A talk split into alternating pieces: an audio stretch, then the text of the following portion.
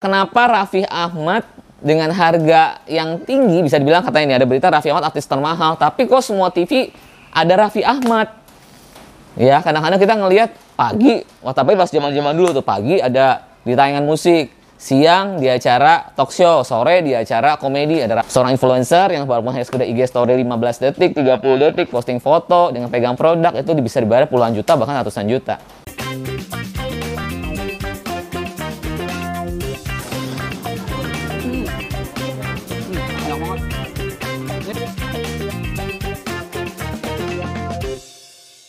Halo, gue Rizky, founder dari Best Entertainment. Seperti biasa, konten baru gue Monolog ini gue akan membahas seputar entertainment bisnis, pengetahuan seputar dunia entertainment secara detail di sini. Oke, pada kesempatan kali ini gue akan membahas satu tema yang kemarin muncul dari uh, DM di Instagram gue yang bertanya, Kak, bahas dong kenapa sih artis dibayar mahal? Kenapa sih gaji artis besar? Sedangkan kita kerja harus gaji sebulan, itu gaji artis satu jam syuting. Oke, jadi gue akan bahas tentang kenapa artis dibayar mahal. Berdasarkan pengalaman gue, gue dulu sempat kerja kurang lebih 6 tahun menjadi kru TV, menjadi orang di belakang layar TV. Jadi kurang lebih gue paham honor-honor artis yang ada di Indonesia. Di mana dulu gue pegang programnya ada talk show, ada musik, acara musik spesial, dan juga acara-acara syuting FTV dan lainnya. Jadi kurang lebih gue paham. Di mana mungkin dulu gue sempat bertanya, gue kerja gaji sebulan, Sedangkan gue undang bintang tamu talk show di acara gue satu jam, itu honornya dia. Enak banget ya jadi artis ya. Oke, di sini gue mau bahas sedikit tentang kenapa artis dibayar mahal. Gue akan bahas untuk TV-nya itu sendiri ya. Kenapa di TV artis juga dibayar mahal. Nanti gue akan bahas juga dari sisi endorsement dan lain-lain. Satu, kenapa artis dibayar mahal? Kalau menurut gue pribadi adalah kita sebagai krunya kadang-kadang kita, wih kita jadi orang tim kreatifnya, kita uh, bikin ide kreatifnya dari pagi sampai malam berhari-hari, sedangkan artis cuma satu jam, dua jam dapat bayarannya gaji kita sebulan. Kalian tunggu dulu, kenapa dia dibayar mahal? Satu, artis itu dibilang pekerjaan yang bisa dibilang unik ya, karena dia kan sesuatu hal yang apa ya? Dari artis itu sesuatu hal yang beda dari yang lain, jadi karakter. Sedangkan yang punya karakter tertentu, misalnya kita mau cari karakter yang pelawak Jawa, lucu, dan lain-lain, itu kan sedikit ya, langka. Segala sesuatu yang langka, pasti itu bernilai.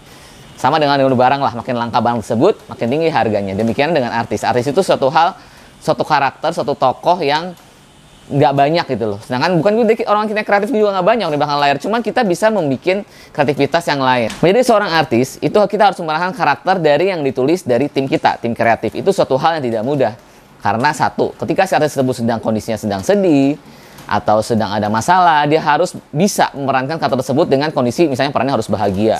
Yang dia lagi bahagia, dia harus memerankan jadi sedih. Itu butuh effort yang luar biasa. Pekerjaannya dibilang cukup sulit. Satu. Terus kedua, kalau kita sebagai orang di belakang layar atau pekerjaan lainnya, kita bisa mempekerjakan bekerja dengan uh, berbagai bidang, nulis karakter uh, film di mana, atau kita bisa jadi nulis skenario di mana. Sedangkan kalau si artis tersebut terbatas sesuai karakter yang memang sesuai dengan dia gitu loh.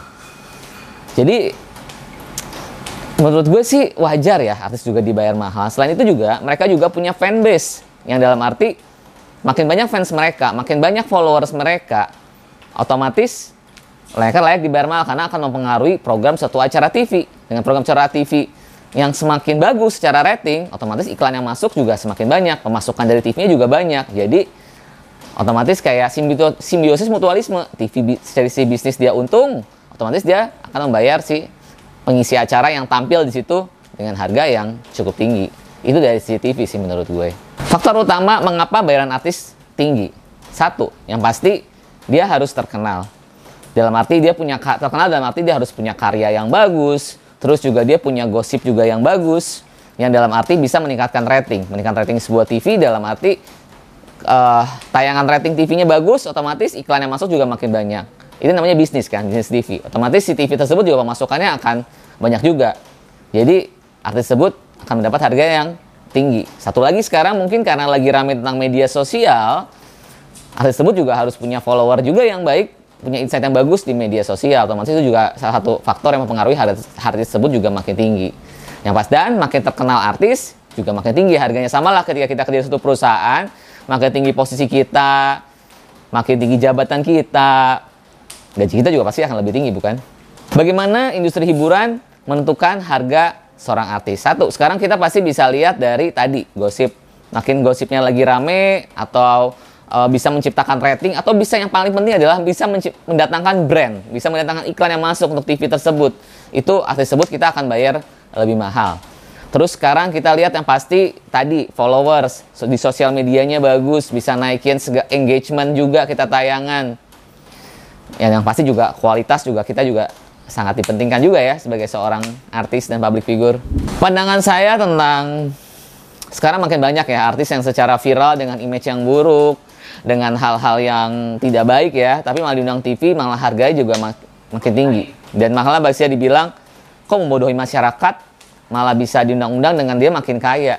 Sebenarnya jujur ya, secara jujur kalau saya pribadi sih juga agak kurang setuju ya dengan mengasih panggung dengan orang-orang yang punya image yang tidak bagus karena memberikan contoh masyarakat otomatis kan dengan munculnya dia di TV uh, eh, dengan sering munculnya dia di TV.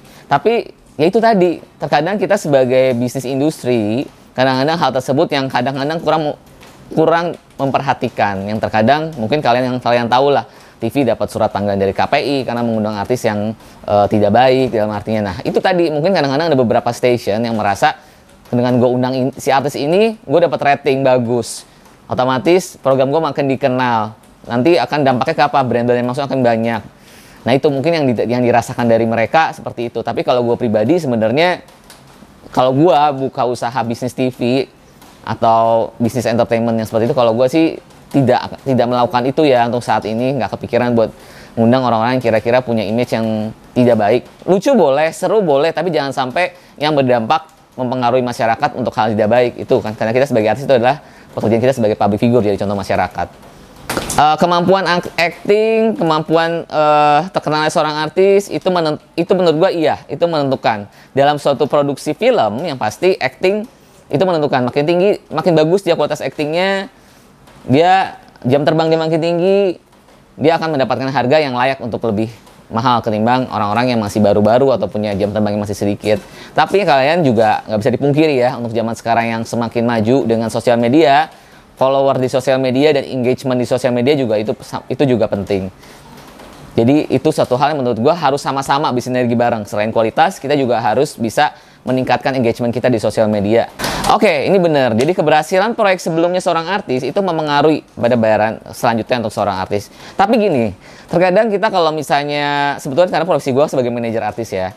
Jadi harga kita terakhir itu mempengaruhi harga kita selanjutnya untuk diundang di suatu PH atau di suatu TV yang sama. Jadi makanya kita sebagai manajer artis kita harus pintar-pintar bernegosiasi karena biasanya harga tersebut akan menentukan kita dipakai lagi di suatu acara tayangan atau di PH tersebut berikutnya.